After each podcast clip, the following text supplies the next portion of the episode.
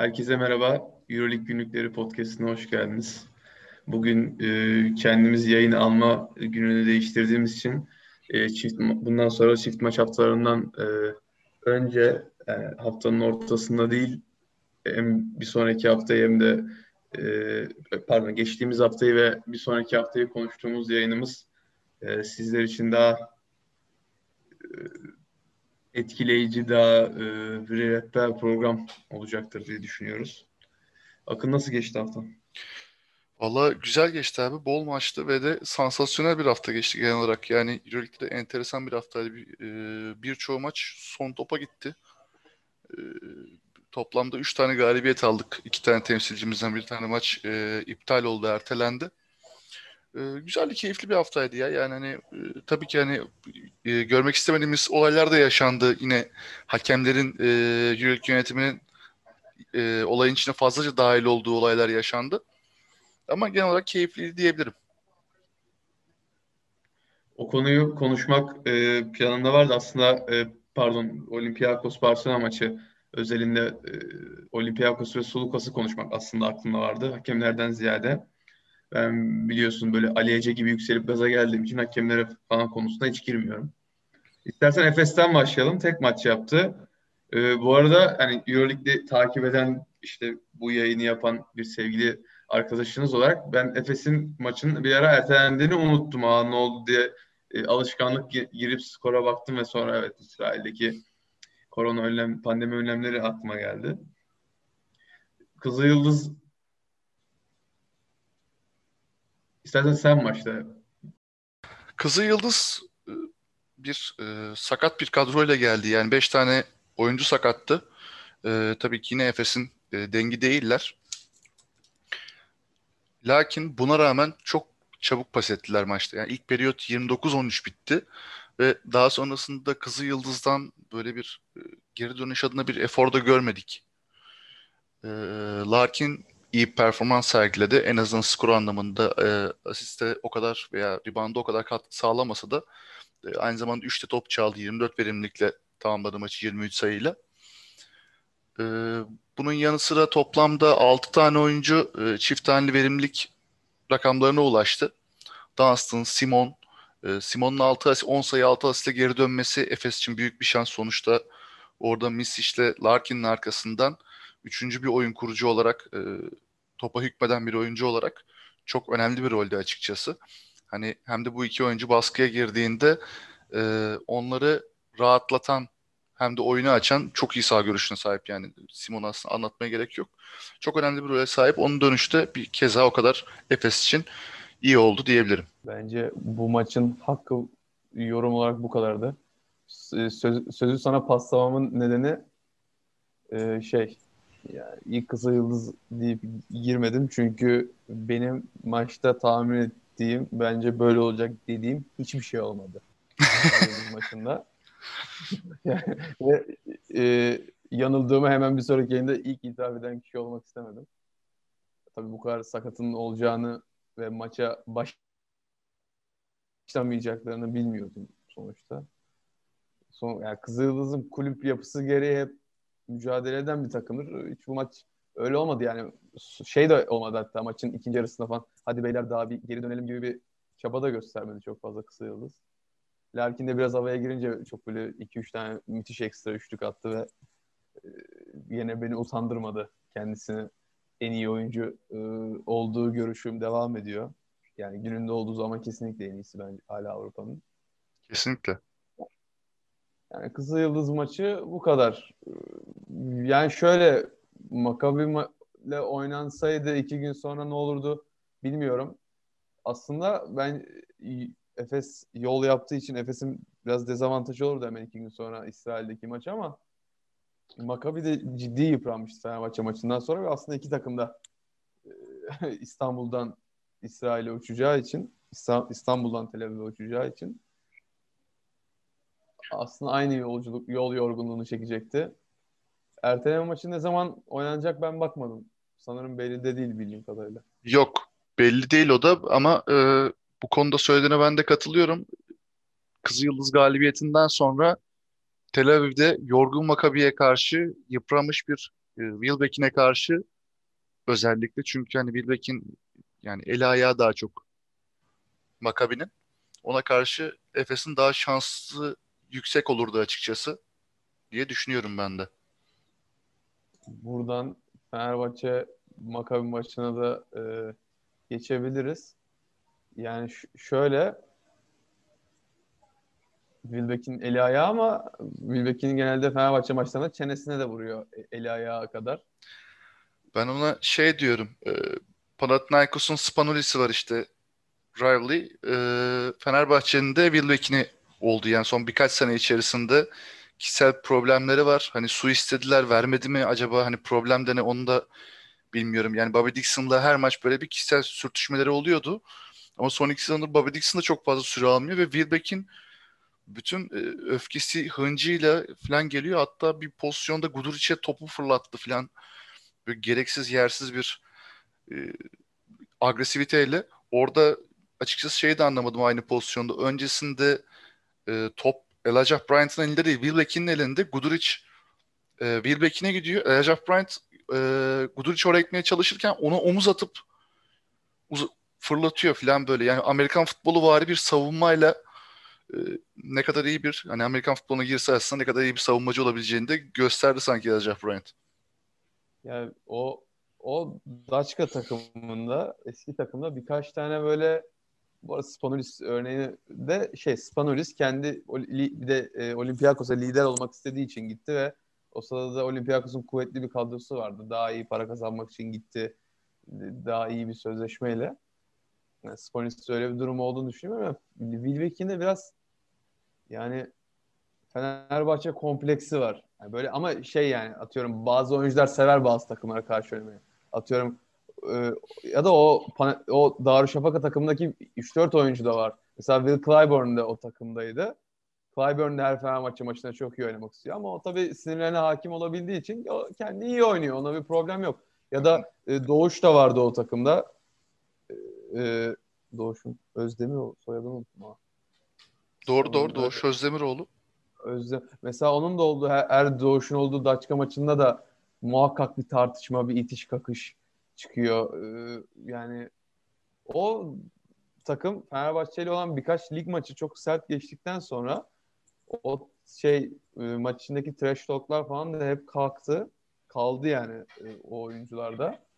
Bir de Maccabi de Fenerbahçe'yi sevmeyen bir takım. Ben de söyledim eyvah dedim yani bu en zor maçımız olur demiştim. Maccabi ve Baskonya'yı gördün mü? İkisini de iyi oynayıp yendi Fenerbahçe.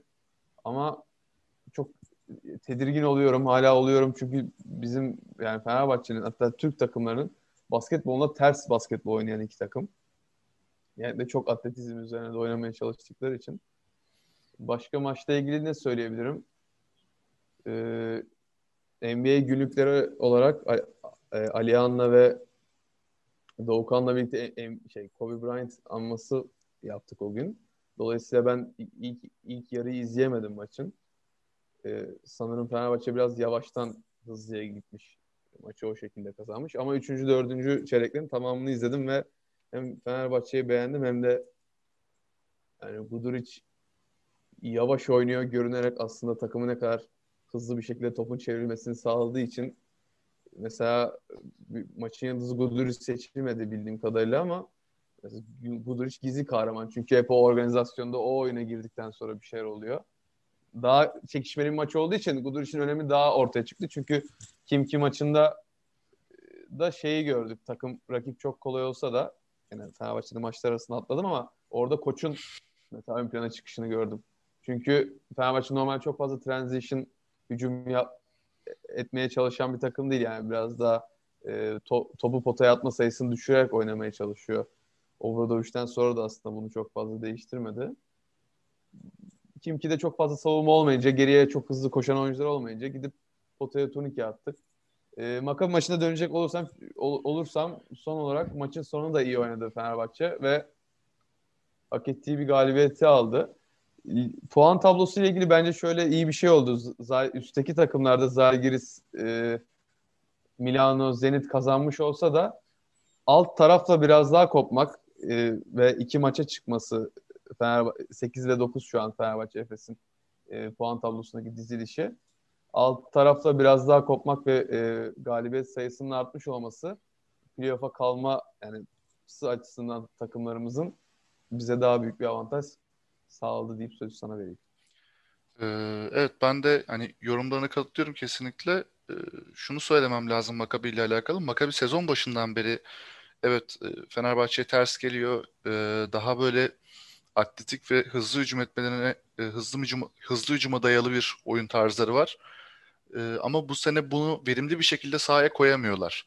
Ve e, bunu sahaya koyamadıklarında takım kaosa sürüklenmeye başlıyor. Bir anda kimin ne yaptığı belli olmadığı, Wilbeck'in işte e, perdeden çıkıp bir şeyler yaratmaya çalıştığı bir sisteme dönüyor.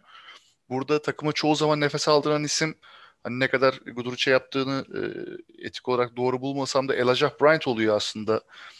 Şahsi görüşüm her takıma da lazım bir oyuncu olduğunu düşünüyorum. Yani hani takımı sakinleştiren, topu yere vuran gerektiğinde, potaya giden gerektiğinde dışarıdan e, şut atabilen bir oyuncu, kendi şutunu yaratabilen bir oyuncu. Ee, yine bu iki oyuncu katkı verdiler ama e, Wilbeck'in yani bu tartışma içerisinde, bu gerginlikler içerisinde çok da verimli olduğunu düşünmüyorum. Ne kadar en yüksek e, verimlilik puanına ulaşsa da hani galibiyeti getirecek adımları attıklarını düşünmüyorum. Fenerbahçe'nin tek sıkıntısı şu oldu bence bu maç genelinde. Fenerbahçe maçı koparmaya yaklaştığı noktalarda rakibe boş üçlükler verdi. Eskiden bunu köşeden e, rakip takıma bu şansı tanıyorlardı. Yani Fenerbahçe'ye oynayan, karşı oynayan takım en azından her maç bir 6 tane falan bir köşe üçlüğü buluyordu. Ya sağ köşeden yoksa sol köşeden fark etmez. Bir tane köşe üçlüğü buluyordu illaki. Ee, bu sefer tepeden bıraktılar o boşluğu. Köşeleri iyi kapattı Fenerbahçe. Bu sefer tepeden buldu Makabi bunları. Ve hani maçın kopması aslında bu mani oldu. Son periyotta zaten iyice artık takım halinde hem savunmada hem hücumda Fenerbahçe ritim bulduktan sonrasında e, maçı kopardı. Maçın sonunda sadece bir afaldığı bir nokta oldu. Artık yoruldular. Yani Fenerbahçeli oyuncular yoruldular artık o maçın temposu içerisinde. E, çok basit top kayıpları yaptılar arka arkaya. Hatta bu işte Guduric'in pozisyonu da, sonra Wilbeck'in Guduric'in arasındaki pozisyon da tam olarak orada patlak verdi. İyice hani e, Wilbeck'in kendini Spanulis sandı gerçekten. Yani oyun anlamında Spanulis sandı bu sefer. E, ama Fenerbahçe hani ona da son bölümde müsaade etmeyip e, maçı almasını bildi. Hani aynı formunu devam ettirdi. Son periyodu bu şekilde baskın bir şekilde oynayıp maçı bitirebilmesi de Fenerbahçe'nin adına büyük bir artı bence. Ee, yine Veseli, Veseli, Veseli ve birkaç kere daha Veseli diyebiliriz herhalde. Ee, bireysel performanslardan bahsedecek olursak Fenerbahçe'de. Hatta araya bir iki Veseli daha atabiliriz gibi düşünüyorum. E, Dechampierre Dechampierre skor anlamında ciddi katkı vermeye başladı birkaç maçtır. 15 sayı buldu zaten maçta da. E, bu şekilde genel olarak benim söyleyeceklerim. Vallahi güzel söyledin. Bence Wilbeck'in gerçekten bu arada kendini Spanulis zannediyor olabilir. Onu söyleyeyim. Bir de e, bu sene Bryant'ları beğeniyorum. Sana, şey Kızıldız'daki Thomas O'Brien'ti sanırım. John O'Brien. John O'Brien. Onu, onu beğeniyorum. Bir de gerçekten e, Maccabi'deki Bryant'ı benim her takımıma alacağım bir oyuncu. Yani çok Maccabi'nin bir ara maçlarına denk geldiğim için de sadece özetleri söylemiyorum. Kesin böyle hem kenardan gelip yani diyelim öyle yüksek bütçeli bir takım kurmuş olsaydım Final Four'a veya şampiyonluğa oynayacak. Mesela 6. 7. oyuncu kenardan gelip 10 dakika oynayacak ve hem ekstra üçlük atıp savunma yapacak. Tam 10 numara olurdu. Kesinlikle 10 numara yani, tercih. Euroleague'de fantazilik yapsam al- alırım. Evet. Bir de Maccabi ile alakalı e, e, merak ettiğim çok küçük bir şey var. Senin bilgin var mı bilmiyorum ya. Ben çok yakından takip etmeme rağmen hiç bilgim yok. Omri Kaspi'nin sıkıntısı ne ve bu adam neden hani iki sezondur herhalde toplam 20 maça falan çıktı ve asla da o formu tutup e, çok iyi başlamıştı aslında geçen sezonun başında. ama ondan sonra sakatlık serüveni başladı ve bir daha asla toparlayamadı yani. Hala da zaman zaman bench'te görüyorum ama asla oyunda görmüyorum. Onu da. Ben sen sorana kadar unutmuştum Makabi'nin oynadığını. Öyle söyle. Ya gerçekten söyle. Geçen sene aa evet ya geçen sene başında. Yani sen sorarken anımsadığım için nasıl bir cevap vereyim? O bir Geoffrey Loven şeyi olmuş olabilir. Biliyorsun Loven ilk sakatlandığında iki haftaya dönecek dendi ve bir daha hiç dönmedi. Döndükten sonra zihnen dönmedi. Uyum sağlayamadı. Keza geçen Yani- seneki Mozgov da öyleydi. Kimki ben hiç formalı görmedim mesela kendisini. Gördüysem de hafızamdan silinmiş hatırlamıyorum yani. Kimki'de zaten kimler kayboldu? Ben Jerebko'nun oynadığını Kimki'de kim gönderirken hatırladım yani ne kadar iyi dört numara diye. Neyse yani bilmiyorum herhalde hiç dönem hiç sağlıklı olamadık ki oynatmıyorlar diyelim. Ben de Wil- Wilbeck'ine benzer bir oyuncuyla devam etmek istiyorum. E, takımlarımızı kapatıp. Kimki maçını konuşalım mı? Çünkü gidip gidip turnike attık. E, Fenerbahçe olarak. Fenerbahçe hayallerindeki e, rahat maçı oynadı. Yani e, dinlenme maçı gibi oldu birazcık. Yani yani 107 sayı attılar. Eyvallah. E, küçümsemiyorum. E, zaten e, EuroLeague'in kendi sitesinde haftanın en iyilerine baktığında e, index rating'de ilk en iyi 5 oyuncu gözüküyor. 4'ü Fenerbahçe'de.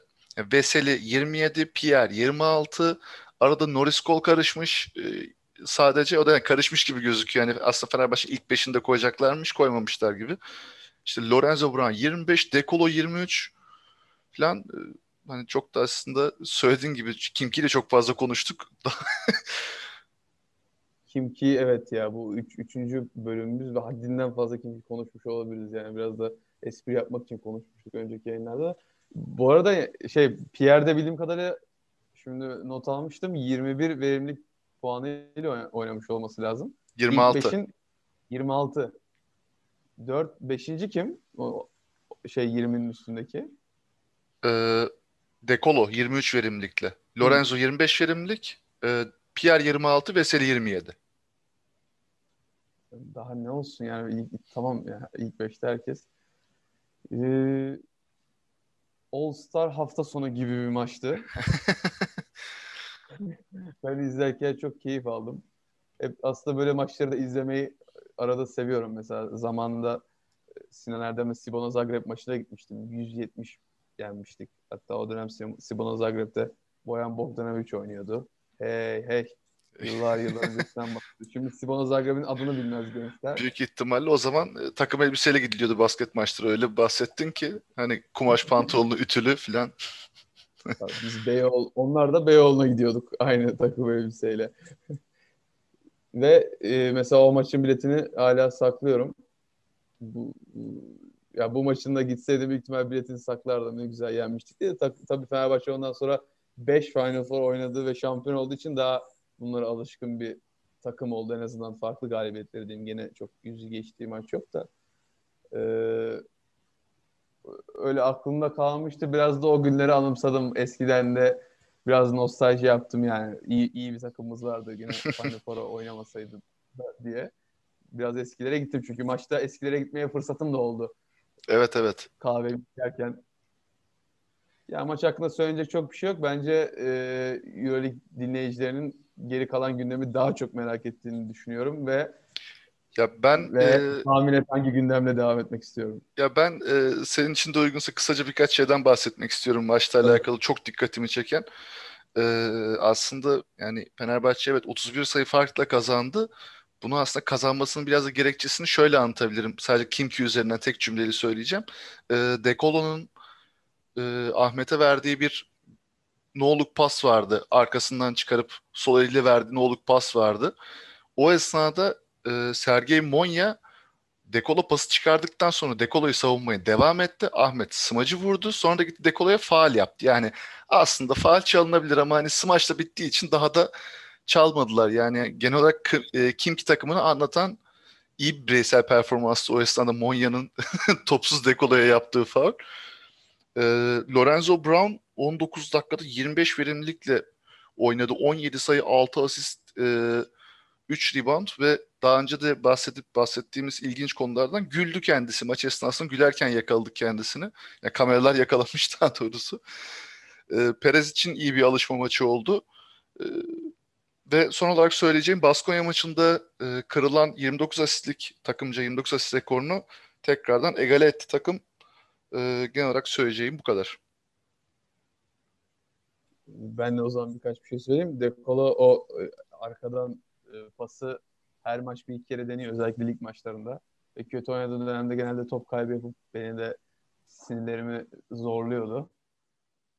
Ama burada çok güzel pas oldu. Bir de yani bunu konuşmadan geçemezdik. Ya o değirmen smacı nedir ya? Evde zıpladım ya koltukta zıpladım. Aa diye çığlık attım yani. Ailecek bench reaction verdik öyle düşünüyorum. hani itişe itişe diyorsun. Ya e, ben o değirmen smacı görünce aklıma şey geldi. E, geçen sene aynı smacı Alba maçında olması lazım. Maçın sonunda bu sefer Derek Williams yapmıştı. E, hani e, ama Dechampierre tabii ki bu smacı 10 santim daha aşağıda yaptı yani hani yerden yüksekliği düşünecek olursak. Ama hani 10 santim aşağıdan olsun böyle oyuncumuz olsun e, delirten bir insan kendisi yani hani o kadar zıplamasa da olur. Derek Williams olmasın da yani kim olursa olsun yani gerçekten. Beni bu kadar yanıltan çok birkaç oyuncudan biri. Ama Derek Williams o smaçları kovalıyordu bütün maç böyle. Savunma yapmayıp topu çalıp gidip böyle 1'e 0 smacı vurayım gibi. Pierre emekçi. Yani Pierre'in yapması beni çok sevindirdi. Pierre emekçi yani kesinlikle emekçi yani o konuda e, hiç şüphe yok. Williams daha çok söylediğin gibi aslında All-Star maçında e, daha çok keyif alacak veya işte Harlem'de e, forma giyse aslında herkesin daha mutlu olacağı yani şu anda Valencia'lar Valencia yönetiminde düşündüğü odur diye tahmin ediyorum. E, daha mutlu olacağı bir e, oyuncu. Bütün Valencia ile birlikte Harlem'e katılabilir yani herhalde Panathinaikos maçta çıkmamışlar. Yani evet. neyse ciddi bir e, böyle şey ana akım medyadaki bir kanalda olsak bunu daha kibar bir cümleyle ifade ederdim ama çıkmamışlar. Yani çıkmamışlar. Yani bu da birbirimizi kandırmayalım. Evet evet. Bir de şey şey söyleyeceğim. Aa neyi söyleyecektim ya? Sen ma- maçın büyülü anını gördün mü seçilen? Yok kaçırdım ben onu. Sergey Monya attı. Gerçi ondan sonra değiştirmiş olabilir o anda. E, Sergey Monya'nın attığı şey e, Stock City'deki oyuncular atardı. Böyle Delap uzun taç atışı kullanırdı. Öyle bir taç atışı kullandık girdi hatta. Yazık o da kendi elini açtı ve kızdı takım arkadaşlar. Yani böyle takıma yazıklar olsun ya. Bu, bunu atmak zorunda kaldığım gibi. Onu seçmişlerdi de şey o ara smaç olma yani şey değirmen smacı galiba yapmamıştı Pierre. Tamam da yani yine de arkadan e, Dekolo'nun pası olabilirdi yani smaçla birlikte. E, Lorenzo'nun takip smacı. Bu arada çok iyiydi. Yani. Bu arada örgü öğrenler falan seçiyor galiba bu Magic Moment'ları. Büyük ihtimalle. Büyük ihtimalle. Ben e, Euroleague'in bu seçimlerine e, seninle ilk programda konuştuğumuz Tonya Cekir'in e, sayı iki reboundla Fenerbahçe'nin 24-15 kazandığı e, periyotta periyodun oyuncusu seçildikten sonra zaten e, bütün saygımı yitirdim diyebilirim açıkçası. Bu da e, üstüne tüy dikti desek yeridir aslında. Hani kaba olacak birazcık ama başka da bir şey gelmedi orayı daha iyi doldurabilecek. Yok, yok. Bu yayında böyleyiz. Daha edepsiz bu yayında. Yani Nedovic'in e, haftanın oyuncusu seçildiği maçı konuşmuyor, konuşmayalım isterse o ma- maçın istatistiklerini. ben daha iyi oynadım maça çıkmadan. Yani şöyle söyleyeyim istersen e, Eurolig'in bir diğer güzide kulübü olan e, CSK Moskova ve onun sorunlu oyuncusu e, takım içinde sorun çıkartmış olan oyuncusu olan Mike James'e geçelim. Aslında o e, sadece CSK'nın e, sorunlu oyuncusu Öyle değil. Hani bütün Eurolig'in sorunlu oyuncusu gibi. Hani o hepimizin sorunlu insanı benimsenebilecek bir isim bu anlamda. Yani bazen şey söylemek istiyorum oyunculara. Yani sana daha ne yapalım ya sana getir artık bu takım ya 45 milyon dolara kurulmuş ya bu takım sana ne etsin ya biraz memnun ol ya bütün topları sen kullanıyorsun ya koskoca CSK'da. Yani aynen öyle. Yani Tweedis falan bıraktı, taktiklerini bıraktı ya. Saçını başını yoldu ya adam. ya üç tane uzun var. Şengelya, Militinov, ya kenardan Bolomboylar, Boronsevic'ler giriyor. Ee, Kurbanov. Şey, Kurbanov var. Bak daha sıra gelmedi yani. Giriyor, bütün topları sen kullanıyorsun. Şengeli dışında kendi hücum seti olan yok yani. Biraz el insaf yani. Kesinlikle. Yani Clyburn bile sakatlığı sonrasında e, kendine yer bulamadı yani o takımın içerisinde. Darren Hillard sabit şütör gibi oynuyor. Yani şu anda hangi takıma gitse belki de skor yükünü çekebilecek bir guard. Zaten hoş e, son e, Bayern Münih maçından sonra bu soru işaretlerinin de bu konuda soru işaretleri de oluşmuş olabilir. Çünkü kendisi 7 saniye kala e, gördüm bilmiyorum. son topu orta sahadan kaldırıp attı logonun üstünden. Hani Damian merak Lillard olarak kesinlikle ama yani Lillard bile bunu 7 saniye kala yapmıyor. Yani hani bir zorluyor en azından gitmeye çalışıyor. Gerçekten gidebileceği yerde vardı. İkili sıkıştırma geldi. Kaldırdı attı dedim. Yani e, bu ne kahramanlık arzusu. sana evde şu an Mike James'in ne düşündüğünü şu an söyleyebilirim. Yani o kadar eminim ki bak normalde takımın sayı ortalaması 86. Ben gittikten sonra sayı ortalaması düştü diye düşündüğünü o kadar ya biliyorum ya bunu. Kesinlikle. Yani yıllardır takip ediyorum yani Mike James'i de. Baskonya'dan beri. Kesinlikle. Yani e, şey bile düşünmüş olabilir. Ben bench'te olsam yine bir 80 atardık falan diye bile düşünmüş olabilir yani hani. Oynamasam bile atardık onu falan gibi. Çünkü o egoya da sahip bir arkadaş yani. Aslında biraz haklı çünkü sonuçta öyle bir oyuncusu da yok. Yani Hackett o kadar yaratıcı değil. Yani Hillard da e, belki biraz daha sorumluluk ve zaman verisi öyle bir oyuncuya dönüşebilir ama yani Clyburn hazır olsa ve e, Clyburn gibi oynuyor olsa onun e, o e, skorerdeki boşluk doldurulur aslında. İkisi aynı anda olmayınca da biraz sıkıntı çıkıyor skor açısından. Biraz istatistik olarak doğru aslında öyle düşünmesi ama yani bu kadar da ya bu kadar da olmaz ya. Hep bana hep Kesinlikle. bana. Yani bir buçuk senedir takım e, onun ekseninde oynamaya çalışıyor. Yani yapılan uzun transferleri bile evet ligin en iyi uzunları alınan uzunlar. Ama e, öncelikle savunmada kesinlikle dezavantaj yaratmaya, savunmanın boşluklarını kapatan falan yani müthiş bir uzun e, hattı var. Hatta onunla alakalı Tinçeri'nin e, yaptığı bir yorum vardı. Ona çok güldüm. E, dediler ki işte CSK'nın işte Şengelya ile Militinov'u nasıl savunmayı planlıyorsunuz dediler. E, Euroleague'e sordum 6 oyuncu oynatabilir miyim diye sordum. E, ama henüz izin çıkmadı. Yakın zamanda çıkar diye umut ediyorum falan gibi böyle bir açıklamada bulundu kendisi. Yani ne desin?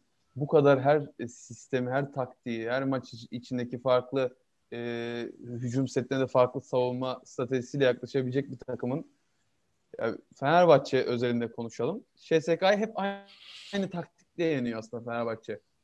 E, CSK süper oynarken bir şekilde foul yaparak, oyunu yavaşlatarak, üçlük atarak, atmaya Obradoviç döneminden beri çok iyi bir takımın şeyini bozuyor. Yani futboldaki derbi maçları gibi ritmini bozuyor. Kesinlikle. Çünkü sporda hep daha iyi olan takım kazanacak diye bir kural yok. Ya bu kadar basit aslında yani yani anlamakta çok güçlük çekiyorum. Hep daha iyiyse niye hep aynı şekilde oynanmak zorunda? Ya şu takım Obradovic'in elinde olsa o kadar farklı şekillerde oynatır ki ya millet ağzı açık izler yani tabii o Obradovic ama Pablo Lasso için de aynı şeyi söyleyebilirim.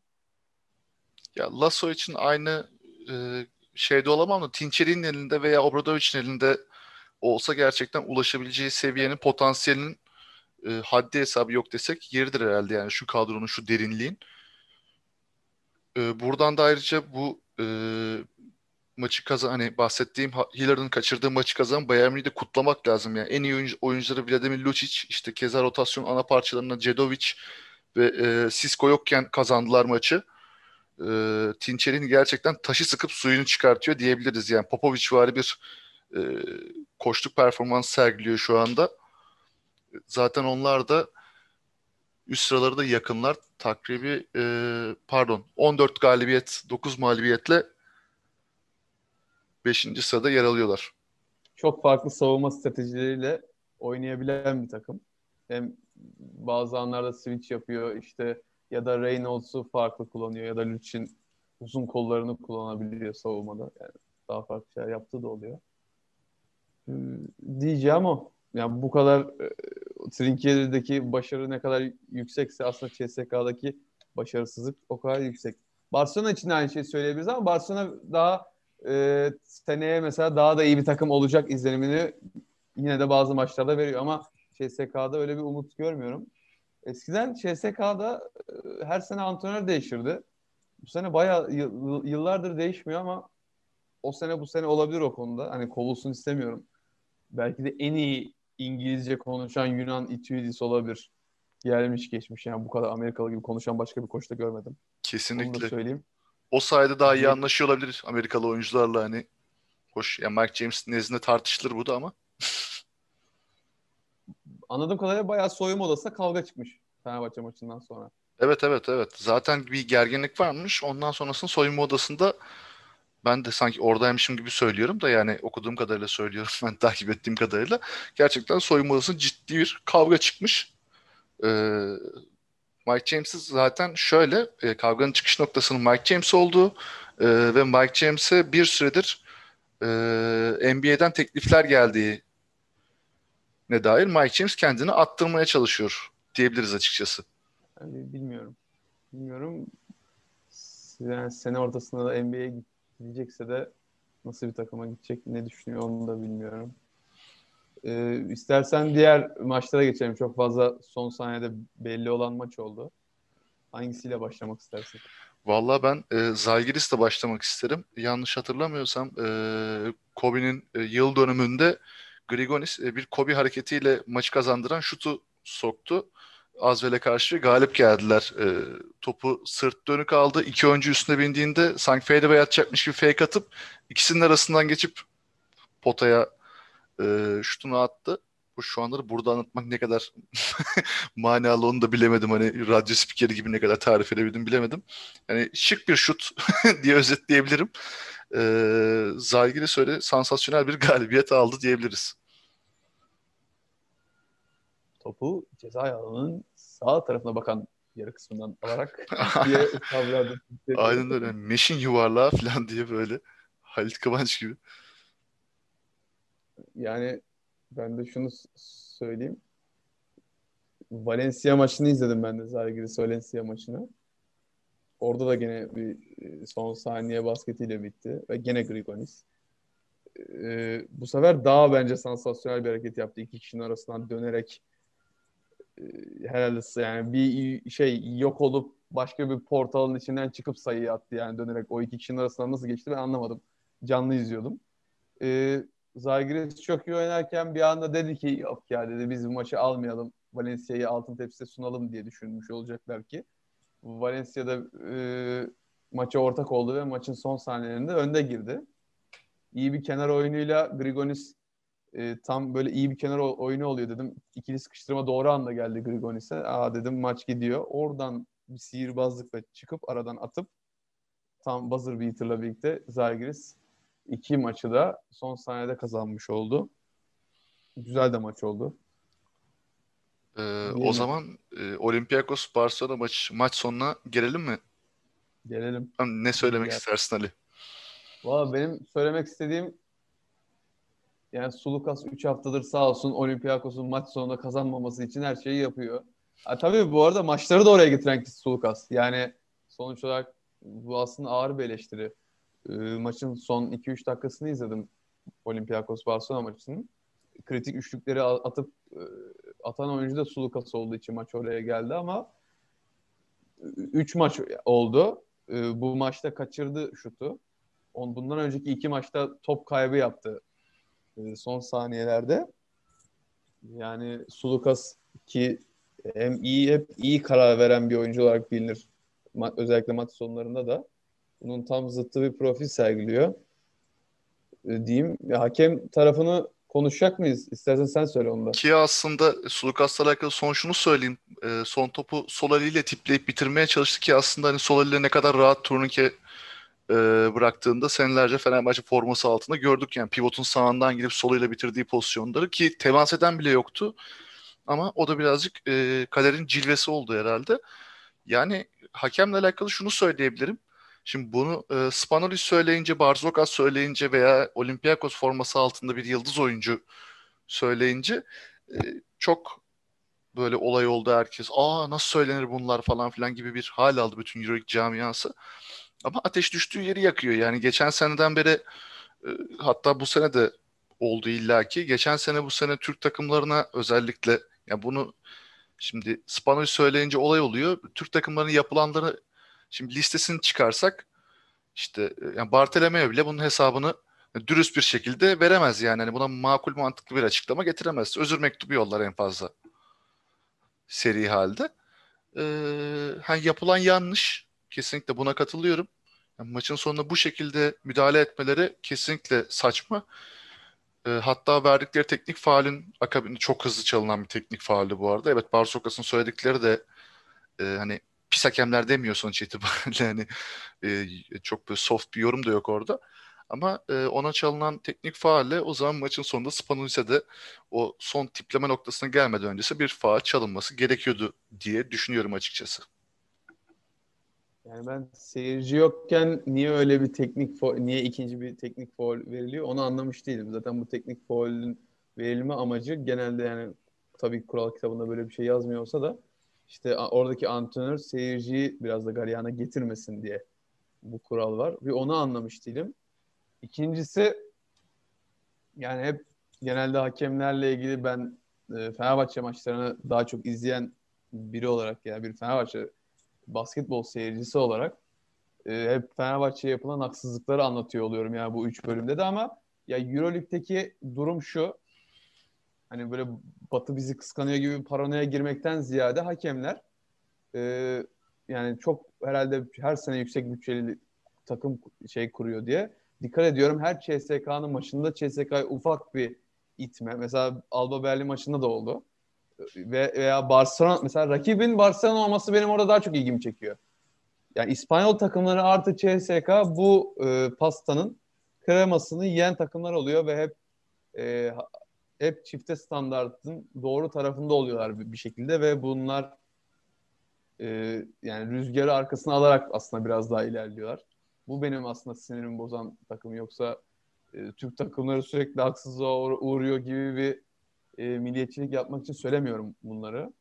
Tabii eskiden de bu arada Olympiakos e, güzel kullanıyordu. Şimdi tabii e, Yunan basketbolu çok geriledi ve büyük ihtimal onların e, Yunanların oradaki lobisinde de bir düşüş olduğu için işler tersine dönmüş durumda.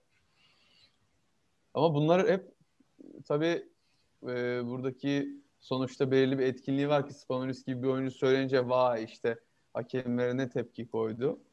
E, gibi oldu. Geçen sene Fenerbahçe'ye iki özür mektubu geldi. İkisi de yoldaymış, gelmemiş.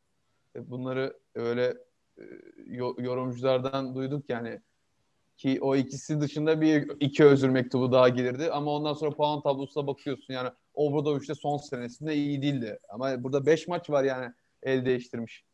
Kesinlikle. 5 maç yani playoff'taki Final Four'a gidiş yolu o kadar etki yani bir maç olsa ya tamam iki maç olabilir. Ama bu kadar son saniyede 5 maçta hata yapılır mı? Yani bu seneki CSK maçında da git ekrana izle ya iç saha maçını söylüyorum. Hı hı. Tabii ki yanlış görebilirsin yani. Neden ekrana gidip izlemediğini iz, izahı olmayan şeylerin artık mizahı olduğu için dalga geçiyor, geçiyorum ben de. Aynen öyle yani bu vesileyle e, işte özür mektubu üzerinden e, dem vurabiliyoruz. Bu arada e, maç içerisinde geçen diyaloğu da kısaca okuyayım. Mar, e, Barsokas maça böyle mi karar veriyorsunuz diye sistemin üstüne şey çıkıyor, e, teknik faal çıkıyor. Spanolis'te siz e, spora saygısızlık ediyorsunuz. Bu yüzden basketbol her gün aşağı iniyor. Siz direkt olarak maç sonucuna karar veriyorsunuz diyor. Şimdi hani onları da e, aradan çıkarmış olalım, söylemiş olalım. E, aslında senin söylediğin doğru şu konuda e, hakemlerin e, itmesi konusunda Barcelona, Real Madrid artı CSK hani sen İspanyol takımları dedin de Baskonya burada biraz daha masum açıkçası. Yani bunlara nazaran daha masum. Aslında yıllardır oradan e, Olympiakos'un Panathinaikos'un da e, pastada ciddi dilimleri varken zamanla maddi e, sıkıntılardan da kaynaklı söylediğim gibi lobide bir şey var herhalde biraz daha küçük taş haline geldiler. E bu maçları büyük taşla küçük taş çarpışınca küçük taş kırıldı yani haliyle. Ee, ya bu maalesef Euroleague'de görünüyor. Yani e, yıllar öncesinde Euroleague organizasyonunun e, kurulma sebebiyle aslında aynı yere gelmeye başladı yıllar içerisinde.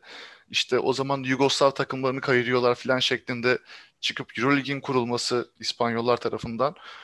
E, sonra şu anda bunların yaşanıyor olması e, hani niye şikayet ettin? O zaman gittin bunu niye kurdun? diye insanı düşündürüyor. Hem öyle veya böyle bunu ya Spanulis söyledi, Barsokas söyledi. İşte yarın bir gün Papa Petru söyler. İşte e, daha kariyerli bir koç söyler. Daha büyük bir takımda bu sesler çıkmaya başlar. E, o zaman bunların biraz daha duyulması ve buna en azından bir ayar getirilmesi çünkü sahadaki oyunu adil kılmıyor artık bir noktadan sonra maalesef. Öyle olduğu için de gerçekten seyir zevkini aşağı çektiğini düşünüyorum ben açıkçası. Yani katılıyorum. Bir de ama şunu da düşünmek lazım. Benim mesela ilgimi çeken ve e, çoğu yani hiçbir yorumcudan da duymadığım ama yani görüşüm olan bir yorumu söyleyeceğim. Ben de herhalde ciddi süredir takip ediyorum. Yani bir 10-15 senedir Euroligi takip ediyorumdur. İyi kötü. Mesela Makabi'ye karşı e, hakemlerin bariz bir hata yaptığını neredeyse hiç görmedim. Bu biraz e, yani kurumun ve e, siyasi olarak da ülkelerin saygınlığıyla da ilgili bir konu. Yani... Yo, Maccabi de o grubun içerisinde çünkü yani e, Euroleague'in eskisi A sınıf lisanslı birkaç tane takımın bu konuda ciddi bir e, söz hakkı var. Yani e, tahminim şu anda yavaş yavaş Tony Parker e, başkanlığındaki Azrael de oraya katılıyor. Önce e, A sınıfı bilet aldılar. A, tek, A kategori bilet aldılar çok pardon. E, yavaş yavaş orada e, çalışmaları başlamışlardır diye tahmin ediyorum. Şimdi hani hurafe uydurmayayım da e, yani Azrael gibi bir takımın ne kadar yatırım olursa olsun e, bu kadar çabuk orada A sınıf takımları arasına girmesi de bana çünkü enteresan geliyor. Yani yani sene mi oldu? Konuyu açtım. Evet sanırım. Yani eskiden de bu arada Azrael Euroleague'e katılan bir takımın da e, bir 7-8 sene önce hatta 2000'lerin ortasında düzenli katılan bir takımdı. O zaman şimdi yani yeni salonla birlikte işte başkanın Tony Parker olmasıyla birlikte bir yatırımın yapıldığı şüphesiz de e, biliyorsun A lisans alman için belirli bir miktar nakit para da doğrudan sunman gerekiyor. Ben mesela az veya bu kriterleri ne kadar karşılıyor gerçekten merak ediyorum. Ya buradaki fikir ya Tony Parker'ın kuvvetli bağlantıları var ya da Euroleague gerçekten Fransa'dan bir takım artık A lisanslı olsun dedi ve Azvel'i seçti e, şeklinde olabilir. Aynen öyle. Bu yüzden zaten enteresan geliyor bana. Yoksa işte Bobby Dixon ilk defa Azvel formasıyla Euroleague oynadı falan böyle hani onları e, hatırlıyorum yani daha doğrusu hani oradan yakalamıştım Azvel'in daha önce Euroleague oynadığını. E, yani bu kadar çabuk buraya dahil olmaları, bu kadar çabuk bu bütçeye sahip olmaları Euroleague'e en azından bu belli bir miktar parayı ödeyebilecek duruma gelmeleri e, enteresan yani. yani olabilir ya hem ya çok Euroleague'in sistemiyle ilgili ben arada böyle kafa yormaya çalışıyorum. Çok e, ya aslında dönmeyen bir sistem var yani finansal olarak. Bir, sürekli bir gider ve e, daha fazla maç yapılmasını isteyen bir e, organizasyon var ve e, o takımlara dönmeyen bir para var. Yani çok, o yüzden anlamlı değil ve bu da değişemiyor. Öğütücü yani Euroleague, gibi. Evet Euroleague hem Euroleague yayın hakları başka ülkelere satılamıyor. Yani Avrupa dışına çok fazla satılamıyor.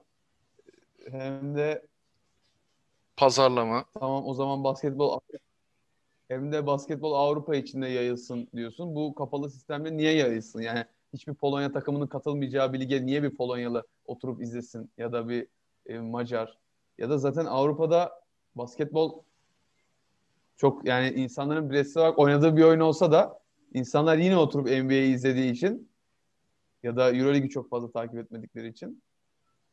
Ama mesela ben niye bu kadar karamsar olunduğunu da anlamıyorum. Yani benim iki senedir basketbol izlemeye başlayan arkadaşlarım var. var. Yani Fenerbahçe bunu başlatan takım oldu işte. E, hepsi Fenerbahçe taraftar. Yani başarılı olduktan sonra ama şunu fark ettiler. E, futbol gibi değil. Maçlar zevkli. Yani sürekli bir çekişme var o an. Yani hep son saniye kalıyor. Hep sert bir savunma var. Ee, belki NBA'deki estetik veya o süperstarlar yok zaten.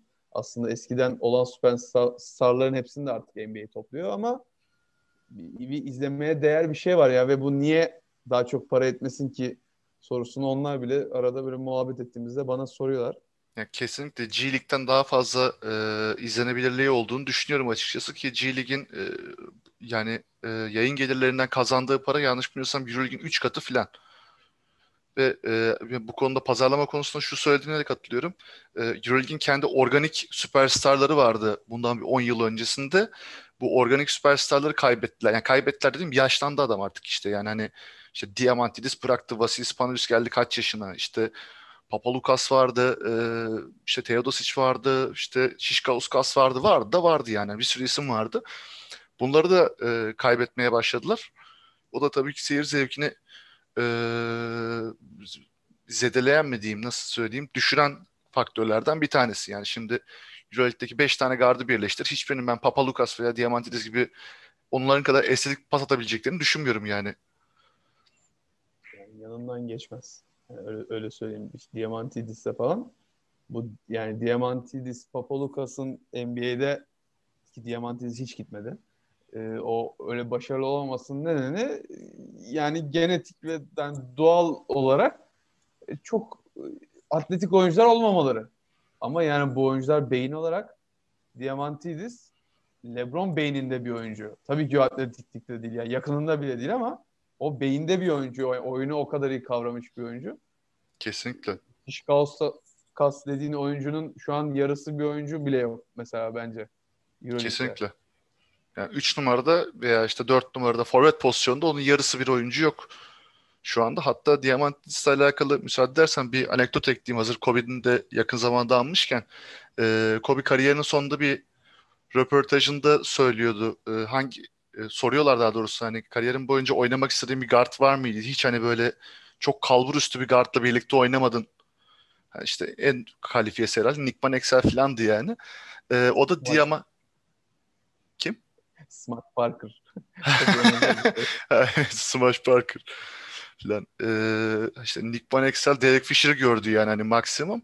O da e, özellikle Diamantidis'in adını vermişti ki yani Kobe Diamantidis'in kaç maçını izlemiştir diye düşünüyorum. Hani gerçekten bu kadar özel bir adamdı Diamantidis de yani hani Kobe'yi bile e, keşke onunla birlikte oynasam. Onun kadar rakibi, rakip garda baskı kuran, rakip gardı ezen ve oyunu bu kadar iyi okuyan e, çok fazla guard görmedim falan gibi böyle bir yorumda bulunmuştu kendisi.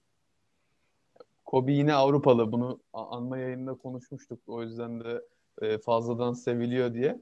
E, şey yani gene izlemiştir o Euroligi tahmin ediyorum. Şey e, Kevin Durant de şey dedi iki hafta önce.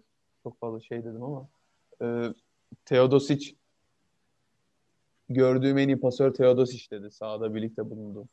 Bir evet. podcast yayınladı Yani dolayısıyla bu oyuncuların zekaları yani ne olursa olsun isterse Birleşik Devletler takımı Sırbistan'a 60 sayı atsın yani.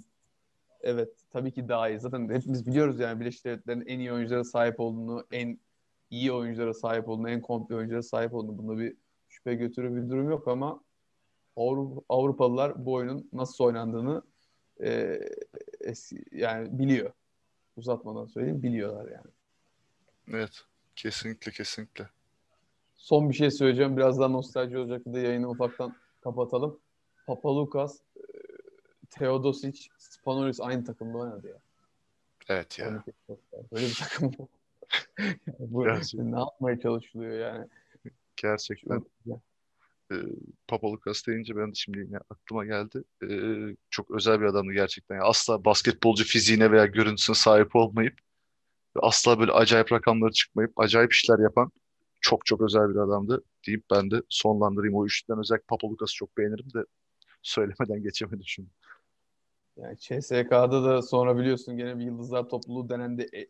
E, NBA'de konferans finalinde çıkacak seviyede bir takım kurmaya çalıştılar. Bir de o takımın Gal galiba Papa Lucas yok sonra mı o takımda da var mıydı? Şu an anımsayamadım o CSK. Vardı o sanki. Falan vardı değil mi? Hı hı.